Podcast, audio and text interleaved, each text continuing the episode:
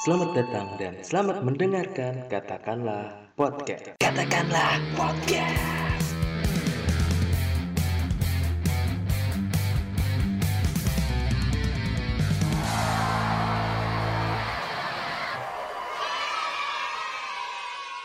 Okay, let's go.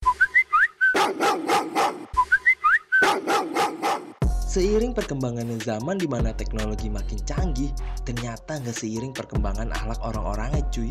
Kalian pernah ngalamin nggak sih di mana ada grup di dalam grup sampah pisan anjing yang harusnya chatting itu nambah relasi nambah informasi bukan jadi ajang gibah?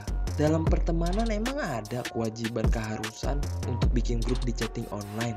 Udah nggak sehat ini cuy kalau lu nemuin yang macam kayak gini nih mending lu leave aja udah. Asli nggak ada guna. Mungkin satu saat lu yang digibahin. Terus apa guna kalau setiap ketemu tos-tosan rame cipika-cipiki tapi kalau kelanjutannya malah ngebongkar aib teman sendiri. Apa yang kayak gini pantas disebut temen? Misalkan orang yang jarang komen atau jarang bersuara nanti dikata sombong nggak care atau apalah. Sebaliknya orang yang sering komen atau berpendapat malah dikata berisik atau pamer. Nah kalau kayak gini harus gimana dah? Kalau apa-apa dinyinyirin apa-apa diomongin dari belakang udah gitu sekarang grup macam gini nggak didominasi sama grup-grup cewek-cewek doang. Tapi cowok-cowok juga udah mulai ketularan. Jempolnya udah mulai anarkis kalau ngomongin orang. Terus sebenarnya landasan pertemanan di grup ini tuh apa?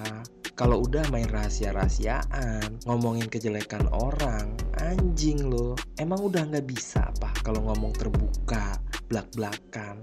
Itu kan fine, tapi susah kalau orang yang hobinya udah menebarkan ujaran kebencian. Susah cuy, busuknya udah mendarah daging.